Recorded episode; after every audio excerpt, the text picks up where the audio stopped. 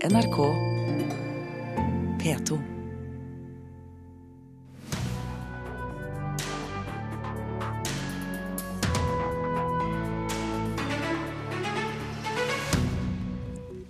Riksrevisjonen krever bedre orden hos de store kulturinstitusjonene. Departementet vegrer seg for overstyring. Den franske jihadistfilmen som ble utsatt etter Charlie Hebdo-attentatet, utsettes nok en gang, denne gang til neste år. Og et senter mot hatytringer skal åpne i Egypt, med norsk hjelp. Ja, dette er saker i Kulturnytt i dag, hvor vi også anmelder både kunst og den nye Hunger Games-filmen, i tillegg til å snakke om eh, håndball, faktisk. Mange av de statlige kulturinstitusjonene har voldsomme utfordringer man ikke kan skyve under teppet. Det er konklusjonen i Riksrevisjonens kontroll. Kulturdepartementet lover å se på saken, men vegrer seg for å detaljstyre for mye. La kongens beger svinge høyt mot himmelen, så den besvarer jordens torden. Musikk! Hamlet på scenen i Rogaland teater i fjor høst. Et stykke som krevde mye av teaterbudsjettet, men som også ble kronet med Hedda-prisen for årets forestilling. Før salt av falske tårer var forsvunnet fra hennes svulne øyne. Suksess utad, men på innsiden kunne de statlige sceneinstitusjonene vært styrt mye bedre, mener Riksrevisjonen. Ved Rogaland og Trøndelag Teater peker Riksrevisjonen på svekkelse i ressursutnyttelse. Med vanlige ord betyr det at teatrene har ansatte som kunne gjort mer arbeid. Teatersjefen i Rogaland, Arne Nøst, mener Riksrevisjonen har lagt feil tall til grunn. Det som på en måte de ikke skiller mellom, er f.eks. en sånn stor produksjon som Hamlet, som var en fullskalaproduksjon med masse folk i aktivitet, eh, veldig kostbart, og en monolog i et lite teaterrom. Jeg finner det jo veldig urimelig. Unge ballettdansere ved Operaen i Oslo, landets dyreste kulturinstitusjon, som også får kritikk av Riksrevisjonen. Danserne her kan gå av med pensjon når de bare er 41 år, og hvordan man skal håndtere de stadig voksende pensjonsutgiftene er det ennå ingen som vet. Det er helt riktig at eh, pensjon eh, tar en stadig, stadig, større del av vår økonomi. Sier Operaens administrerende direktør Nils Are Karstad Lyse. Hele økningen i midlene vi har fått i denne perioden, og mer til, har gått med til økte pensjonsutgifter, som jo er den største økonomiske utfordringen og hemskoen for effektiv drift vi, vi har i Operaen. Men Overordnet alt dette så kritiserer Riksrevisjonen Kulturdepartementet. Kulturdepartementet tenker ikke helhetlig nok om å bli flinkere på å bruke de mange styringsmulighetene man har, er konklusjonen. Statssekretær Bjørgulf Vinje Borgundvåg innrømmer at Kulturdepartementet har forbedringspotensial. Vi vil gjennomgå departementenes retningslinjer for eierstyring av selskapene. Vi vil legge til rette for at vi mer systematisk kan hente inn den styringsinformasjonen som er nødvendig, og at vi må følge opp og kontrollere tilskuddene til de scenekunstselskapene bedre. Men dette må samtidig skje innenfor at ikke vi går inn og detaljstyrer institusjonene på bekostning av den kunstneriske friheten. Reporter i denne saken, det var Petter Sommer. Premieren på filmen Made in France blir utsatt for andre gang pga. terror. Historien til den fransk-algirske regissøren Nicolas Boukrieff handler om jihadister i Frankrike. Filmen skulle opprinnelig bli satt opp på kino i januar i år, men Charlie Hebdo-massakren gjorde det upassende å vise den. Nå blir premieren i kveld også utsatt etter fredagens terrorangrep. Je m'appelle Sam El Konsori. Je suis journaliste et j'ai pris le risque il y a six mois d'infiltrer les mosquées clandestines de la banlieue parisienne. Thrillern Made in France handlar om fundamentalistiska kretsar i Paris förorter sett genom ögonen på en muslimsk kulturjournalist som infiltrerar sig i en jihadistcell. Filmen är inspirerad av attentaten i Frankrike 1995 och av skjutningarna kring den judiska skolan i Toulouse 2012. Made in France skulle haft premiär onsdag kväll men efter attackerna den 13 november i Paris bestämde filmbolaget att skjuta på premiären. Detta har uppmärksammats stort i fransk media. Le Mans kände filmkritiker Samuel Blumenfeld tycker att det var ett bra beslut. Pas vraiment d'autre choix. Qu'est-ce que vous allez faire si vous Filmbolaget hade inget annat val, menar han.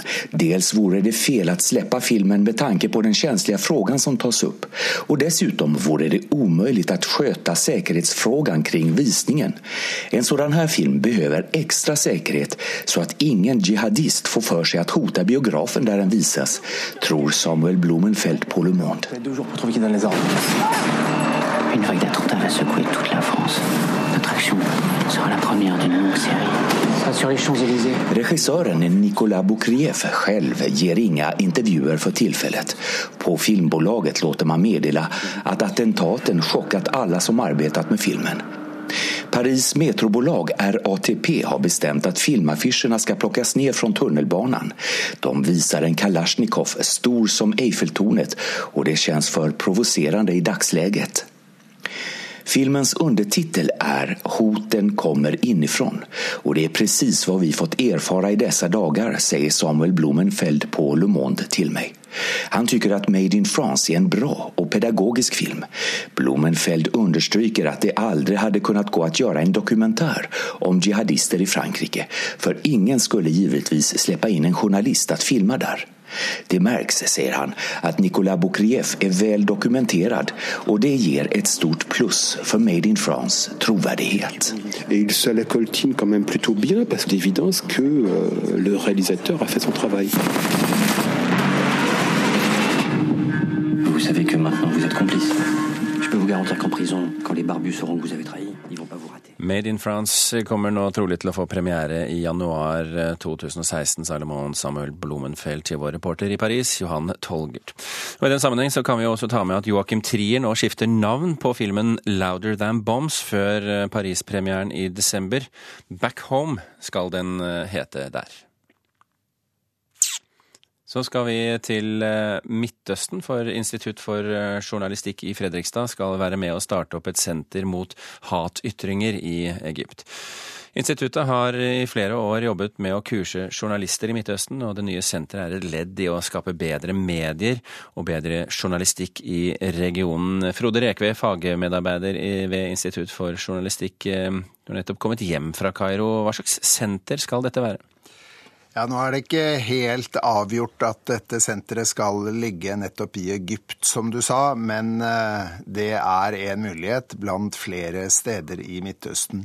Det skal være et senter, som du sa, mot hate speech, altså mot hatefulle ytringer i mediene, hvor mediene kan søke råd og veiledning i forbindelse med hatefulle ytringer i egne medier, og også for hvor medier i Midtøsten kan søke råd og veiledning til å skaffe seg selv hva skal vi si, innendørsregler for hvordan praksis skal være på dette meget viktige området. Vi hørte jo nå i rett nettopp før her at journalistikken, enten den skjer i vanlige, tradisjonelle nyhetsmedier eller på film, er under meget sterkt press for tiden. Og ikke minst gjelder dette i Midtøsten. Et senter, hva, hvor, hvor, stort snakker vi om? Hva er, hva er et senter i denne sammenheng? Ja, Når du hører et senter, så tenker du det er kanskje et stort hus med mange ansatte og mange PC-er. Det er ikke det vi snakker om. Vi snakker om et, en, en, liten enhet knyttet til et institutt eller et universitet i Midtøsten som driver med journalistutdanning og oppfølging av journalister. Og da er det snakk om å ha ett et eller to mennesker som kan drive og følge opp hatefulle ytringer i mediene. Noe som mediene i Midtøsten dessverre er fulle av. Ja, er det forskjell på hatytringer i Midtøsten og i Norge? Ja, altså Hatytringer er jo like. Vi ser jo masse hatytringer, særlig på de sosiale medier i Norge. Forskjellen i Midtøsten er kanskje at eh, vi ser jo også sterke hatytringer der, men en del av journalistikken i sosiale medier er kanskje noe friere og mer dannet enn den er i, i Norge. Og det vi ser i, i vanlige medier i Midtøsten, det er jo det som er så trist at hatytringer har fått bre seg inn i vanlige nyhetsmedier på redaksjonell plass. Hvordan er kvaliteten på eh, journalistikken i Midtøsten? Kvali kvaliteten på journalistikken i Midtøsten har dessverre gått fra eh, et håp fra vondt til verre, vil jeg si. Det var et sterkt håp i forbindelse med eh, den arabiske våren i 2011, da folk gikk i gatene og ropte 'vi vil vite sannheten', og man vendte seg til mediene som da hadde en viss endring i forhold til hvordan de var før. Det har gått fra vondt til verre, med mer krig, mer polarisering. En total krise, vil jeg nesten si, politisk og militært i hele Midtøsten. Og mediene har blitt mer lukket og dessverre i stor grad mye mer hatefulle enn de var tidligere. Frode Rekve ved Institutt for eh, journalistikk, eh, tusen hjertelig takk for at du var med oss her i Kulturnytt.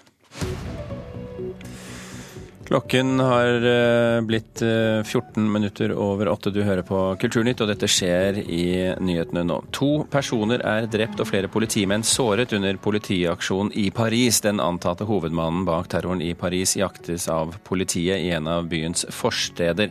Og utenriksmedarbeider Wenche Eriksen, hva er siste nytt nå? Det franske nyhetsbyrået AFP melder at det nå er to døde i politiets antiterroraksjon i Saint-Denis. En av dem skal være en kvinne som sprengte seg, ifølge politiet, og to mennesker skal være arrestert. Minst sju eksplosjoner og altså kraftig skuddveksling er hørt fra stedet der antiterroraksjonen har vært i gang siden klokka halv fem i dag tidlig. Opptil seks tungt bevæpnede personer har forskanset seg i en leilighet eh, som politiet gikk til aksjon mot, og politiet mener at hjernen bak Paris-terroren, belgieren Abdelhamid Abaoud, er en av dem som er i denne leiligheten. Og så er rundt 50 franske soldater nå utkommandert til Saint-Denis. Vi skal gjøre et eh, både tematisk og emosjonelt eh, kjempehopp her i Kulturnytt. Eh, håndballspillerne i Aust-Agder vil snart få sin egen spesialskrevne musikk. Bassist Ole Kelly Kvamme har eh, fått i oppdrag å lage et bestillingsverk som ikke bare skal underholde, men forhåpentligvis også gjøre spillerne bedre på banen. Håndballspill har en egen rytme. Det gjelder bare å finne den. Og akkurat det har bassist Ole Kelly Kvamme fått i oppdrag å gjøre. Det er mye rytme i, i sport. De ser jo det når du ser et bra fotballangrep og sånn Hvordan de finner hverandre, det samspillet. Det har mye med framdrift å gjøre og sånn da. Han arbeider med et bestillingsverk som heter nettopp Rytme, og som er basert på lydene som oppstår på håndballbanen. Hvilke bevegelser det gjør, og finnes det noe der som man kan putte inn i en form for musikkforløp, da. Så da blir det nesten en liten forskning hvor hvilke deler av et angrep kan vi bruke til å lage en intro, f.eks. Det kan godt være f.eks. jeg kikker på én spiller, og hvilke lyder er det i beina hans og kroppen hans når han lager en frosk, f.eks. da. De neste to ukene kan både ØIF Arendal, IK Grane kvinner elite og to aldersbestemte lag for jenter og gutter i Arendal vente seg besøk av Kvamme. F.eks. kan denne her kanskje passe hvis de bare skal uh, kaste ball til hverandre eller ha oppvarming. For Kvammes musikkverk skal ikke bare underholde. Den skal også motivere og kunne brukes aktivt i treningsarbeid. Hvor det ikke er så veldig sånn De skal ikke prestere noe her, de skal bare komme i gang. Sant? Så Det er litt den stemninga der, da. Hvis det går f.eks. i 120 BPM, da, slag i minuttet, så er jo det disko, den sitter veldig bra hos folk, da. Så kanskje den er fin å løpe intervaller etter, f.eks. Så det er litt sånn de kan bruke kanskje noen av de musikkperiodene mine til treningsarbeid, da. Aust-Agder idrettskrets er blant initiativtakerne til bestillingsverket, som skal urframføres på en nyetablert idrettsgalla i Arendal i midten av desember. Akkurat nå er det Strømmen Glimts gutter 15 som har besøk av Kvamme. Og guttenes trener Leif Gautestad syns ideen om et eget musikkverk er god. Det å ha et sitt um, ideelle spenningsnivå er jo, er, jo, er jo viktig. Og hvis denne musikken kan være med og sette de i riktig modus, så er det supert. Har du troa? Ja, vi har alltid troa. Også Ole Kelly Kvamme har troa. Han har allerede funnet en rytme i 15-åringenes angrepsspill. De ligger rundt mellom 55 og 63-64 BPM når de veksler. Så det er jo Hvis du dobler det, så har du mellom 117, 18 og 120. Det er ganske bra for folk å forholde seg til. da. Hvis du har 120 beats per minute, det er jo disko Michael Jackson.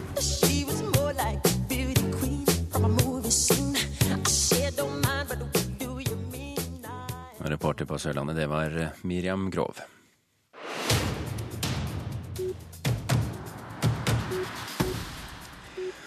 Mer enn hver tiende 13-åring på Snapchat eh, sender snapper med intimt eller seksuelt innhold. En av tre 13-åringer mottar nakensnapper. Førsteamanuensis Berit Skog ved NTNU, som har gjennomført en undersøkelse, tror ikke de unge er klar over eh, hvor lett bildene kan bli kopiert og lagt ut på internett. Horten videregående skole politianmelder eh, mobbing av elever gjennom appen Jodel. Jodel. Rektor Gisle Birkeland sier eh, meldingene er grovt sjikanerende og bryter med norsk lov. Også elevrådet ved skolen tar saken svært alvorlig og ber elevene vise nettvett ved hva de legger ut på internett. Og så til gårsdagens store kinoopplevelse. I'm going to kill Snow. Nothing good is safe while he's alive. And I can't make another speech about it. I natt hadde altså The Hunger Games Mockingjay Part 2 premiere på en rekke norske kinoer. Dette er den fjerde og siste filmen basert på Suzanne Collins' populære bøker, med Jennifer Lawrence i hovedrollen som opprørshelten Katniss Everdeen. Sunniva Hansen, velkommen tilbake til Kulturnytt. Jo, takk. For de som ikke hørte Kulturnytt i går, du er altså da stor fan og lå fire dager i kø for å få billett til gallapremieren. Først eh, gallasiden av saken. Hvordan var eh, opplevelsen i går? Å, det var eh, ganske fantastisk. Alle var jo veldig spente da.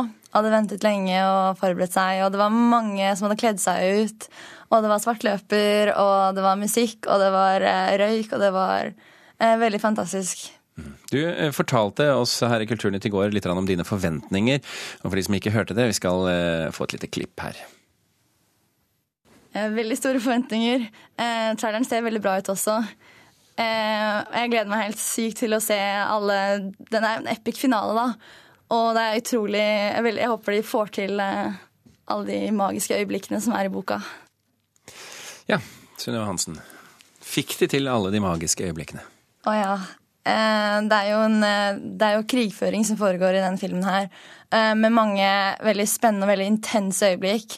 Og det er jo et høyt tempo og mange viktige karakterer som eh, skal fremstilles og eh, ha sin utvikling, da. Og eh, jeg er veldig imponert over både eh, bildet Liksom eh, hvordan CGI-en har fungert, da, og hvordan liksom, monstrene er laget. Og, Altså dette ja, filmeffektene, da. Filmeffekten. Ja, filmeffektene. Og eh, hvordan skuespillerne opptro, og det var helt fantastisk. Hvis du skal liksom se de fire filmene i ett Du har jo lest selvfølgelig alle bøkene og er stor fan av det universet, eh, det litterære universet også, vet jeg. Um, Alt i alt, hvordan har filmene klart seg eh, i konkurransen mot bøkene? Åh, eh, veldig bra, faktisk. Overraskende bra. Den første var ikke helt. Men så har de tatt seg inn, og det blir bedre og bedre. Og de har hentet mange replikker direkte fra bøkene. Og også ved å dele opp den siste boka i to, så har de eh, tatt vekk noe av det eh, tidspresset som var eller liksom, Det var veldig komprimert, den siste boka. Så ved å dele det opp i to filmer, så har de på en måte fått kunne forske mer inn i hva som faktisk foregår da, i den siste boka. Og på en måte fått vist mange av sidene som ble litt dempet i boka. Sunniva Hansen, eh, tusen takk for at du også i dag eh, ble med oss her i Kulturnytt. Vår anmelder Birger Vestmo har jo også selvfølgelig sett filmen. Han syns eh, Mockingjay Part 2 er en strålende avslutning på serien. My dear Miss Everdeen, make no mistake, the game is coming to its end. Den siste The Hunger Games-filmen er òg den beste i serien. Dramatikken topper seg med et spennende klimaks som har bygga seg opp gjennom de forrige filmene. Jennifer Lawrence lyser i sentrum av begivenhetene og tilfører hovedrollen både tyngde og troverdighet. Det her er fremdeles underholdning ment for de litt yngre, med de innholdsmessige begrensningene det gir, men Mockingjay Part 2 er uansett en strålende avslutning som effektivt syr sammen de viktigste trådene trådene som denne filmserien har lagt ut.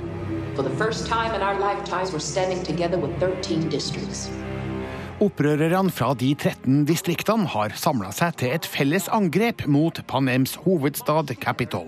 Men deres Mockingjay, eller spottefugl, Katniss Everdeen, spilt av Jennifer Lawrence, er fast bestemt på å drepe president Snow, spilt av Donald Sutherland, på egen hånd. Hun blir tvunget ut i felten for å lage propaganda sammen med en hjernevaska og ustabil Pita, spilt av Josh Hutcherson. Men snart endres oppdraget etter Katniss sitt ønske. Målet er Snow. We all have one enemy, and that's President Snow. Denne filmen kaster ikke bort tida.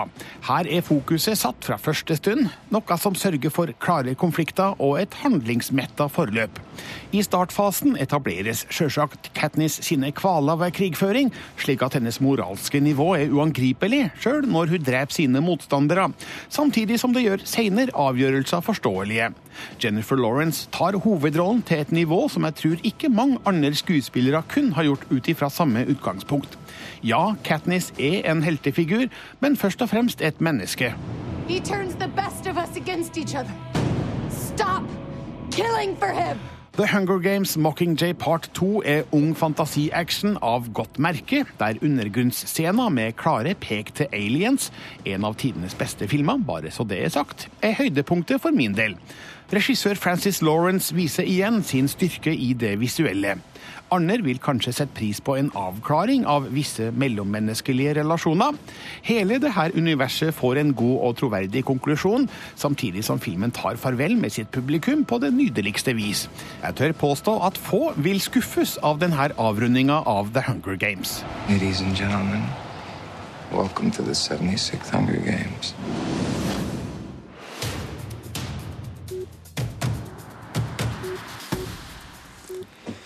At eh, kunstkritikk er en eh, svært personlig øvelse, er eh, slett ingen overdrivelse. Noen ganger er det vi i redaksjonen som ber vår kunstkritiker anmelde en utstilling. Av og til er det hun som kommer med forslag. Denne gangen har hun bedt så pent om å få vurdere utstillingen 'Falne lilla' på Galleri K av den norske kunstneren Else Marie Hagen. Og Mona Palle Bjerke, hvorfor dette sterke personlige engasjementet for Hagen? Ja, Nå får du det til å høres som om dette er et, et kjempesmalt uh, kunstnerskap som omtrent bare jeg har hørt om, og det er altså ikke tilfellet. Dette er en svært sentral, anerkjent uh, norsk kunstner som vi her i NRK har fulgt veldig nøye gjennom årene. Men det er riktig det at jeg personlig er opptatt av dette kunstnerskapet, og det handler litt om at hun har klart å skape på sin veldig stillferdige måte kunstverk som jeg ikke klarer å glemme. Altså som fester seg, og som jeg stadig vender tilbake til både i tanken og henter frem i forelesninger og i andre sammenhenger. Før du gikk inn på denne utstillingen, eh, hva ved kunsten hennes er det du liker? Altså, dette, hun er en veldig mangfoldig kunstner. Eh, hun jobber med iscenesatt fotografi, av og til også med installasjonselementer. Hun har jo på tidligere utstillinger tatt opp f.eks. motespråkets visuelle effekter, og vist fotomodellen som en synlig kropp, men et usynlig menneske. Hun har eh, gått til frontalangrep på Gustav Vigeland i sin utstilling på Vigelandmuseet, der hun har kritisert en fremstilling fremstillingen av den vestlige eller den nordiske mannskroppen som er feires hos uh, Vigeland. Uh, men hun jobber også mye sånn halvabstrakt i sine fotografier. Opptatt av å skape noe underfundig og uklart. Bruker gjerne speiling eller en type sånn forheng foran sine bilder. Og jobber da i dette grenseland mellom noe malerisk og noe fotografisk.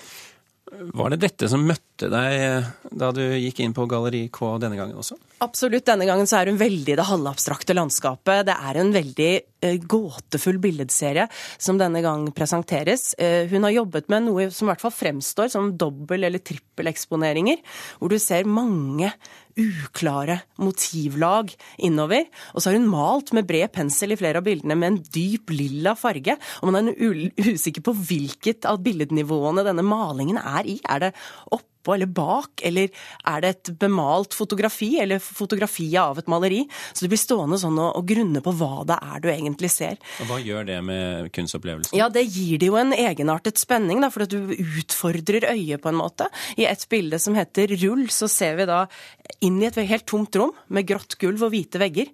Men bakenfor da, så ulmer det et annet bilde. Der ser vi en kvinne som sitter på huk og ruller ut en skimrende duk eller et gulvteppe på gulvet.